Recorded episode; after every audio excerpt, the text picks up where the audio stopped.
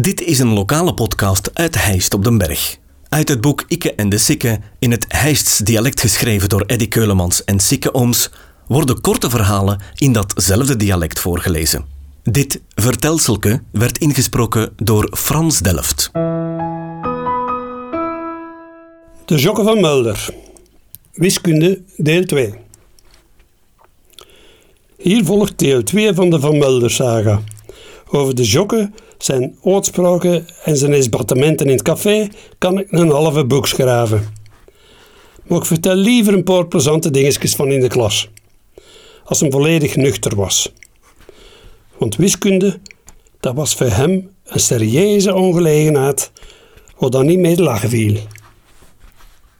Omdat we allemaal met vieren in de klas zaten, kregen we geen vast lokaal. Dus, dat was dus in het begin van elk schooljaar beetje zoeken, totdat we ons de lege klas vonden.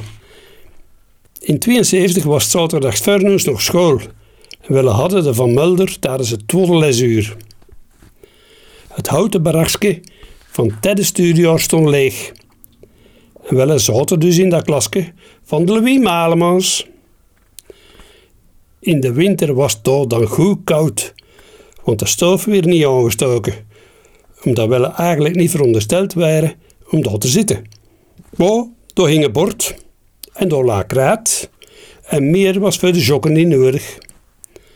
Hoe koud dat ook mocht zijn, hij zwierde zijn zippoort, rolde zijn maven op en de show kost beginnen.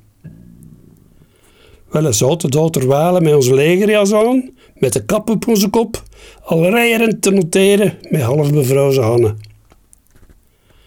Als het tempo echt te hoog lag naar mijn goesting, dan probeerde ik soms een paar seconden tijd te winnen het expres te niezen.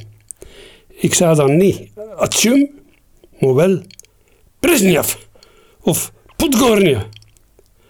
En dat deed ik zo een paar keren vlak achterin, dat we het zeker zou gehoord hebben.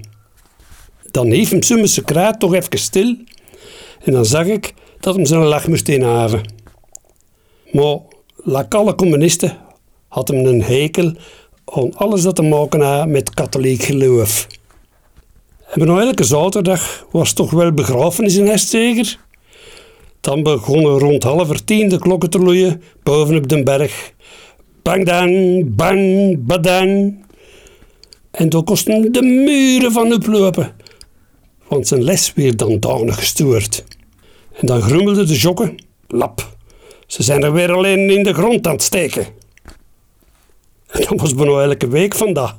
Dus dat zinnetje konden wel op een duur al het op mee zeggen. Op een keer kwamen we dat barakje eens binnen en ik zag direct dat hij het abnormaal op de les neerla. Het kroosbeeld dat boven het bord hing, was eraf gevallen. En de kerstvrouw had vergoed te doen dat op zagelei. De Van Mulder kreeg dat in de mot en ik zag het gebeuren. Hij pakte dat vast en hij zei, was me dat? Een venken op een vlieger. En dan smeet dat kroosbeeld drie meter verder boek in de voorbak die onder het bord stond. Ik kan begrijpen dat sommige mensen aanstoot nemen aan dergelijk gedrag. Wel lagen plat van het lachen, want wel volgde toch alle vier zijleer. Vrijdags konden we terecht in het labo van schaakkunde. De is een domaan. Daar stonden lange banken met bunzenbranders en gaaskranen en zo van alles. En daar moest ik het bord niet komen afvegen, want dat was te veel taatverlies, volgens Van Mulder. Dat deed hem liever zelf. We kregen toen les over kansberekening en dat was aan en dada. Maar ook de manen. Op zekere dag schaart hem daar de vod vast voor het bord proper te maken en onder die vod la een speelkoud. Hij la zijn hand op die koud en hij zei tegen ons: Wie dat kan raden welke kaart dat, dat is, krijgt vijf punten van opvoeding bij. Maar feit dat wel iets kon antwoorden, loerde hem zelf al eens voor te zien welke koud dat, dat was. En toen zag hem dat dat de Beleke was met een oude notto op. Is spijtig. Het gaat niet, hem. En de les ging vet. Maar ik kreeg direct weer een geweldig idee. En ik zei tegen mijn klasgenoten: Volgende week is hem dat zeker vergeten. Ik breng van thuis een schupperzot mee en we leggen die koud terug half onder die vod. En dan vindt hem die nog een tijd. En als hem ons dan weer laat groeien, dan hebben we het een basisbeetje. De volgende week was de val opgesteld en we zaten rustig te wachten totdat hem het bord volgekribbeld had. Toen pakte de jokke de vod, zag direct die koud, loerde er even onder, glimlachte breed en zei: Nu gaat het wel. Wie kan raden welke kaart hier ligt, krijgt vijf punten van opvoeding bij. Ik stak mijn vinger omhoog en ik vroeg: Meneer, mogen wij dat op een papiertje schrijven? Want anders heeft de tweede persoon geen kans om te winnen als de eerste het per ongeluk juist heeft. Van Mulder zei: Zeg, Krol, je weet toch hoe klein dat de kans is om dat juist te raden. Maar alleen man, het is al goed. Pakt alle vier rap een stukje papier en schrijf het erop. Wel, schreven alle vier schuppezot. Ik ging de dichtgevouwen papieren soep halen en plechtig overhandigen aan de jokken.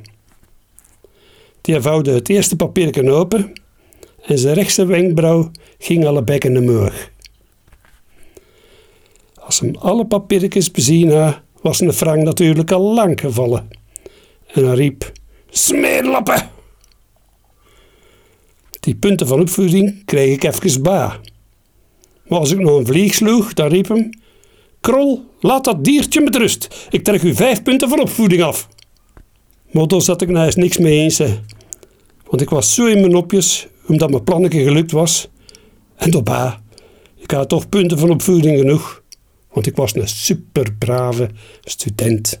Deze podcast kwam tot stand dankzij Huisdresselaars en Tropical. Volg de podcast op Facebook. Reageren kan je via de website ditishijst.be slash ikke en de sikke of ikkeendesikke.be.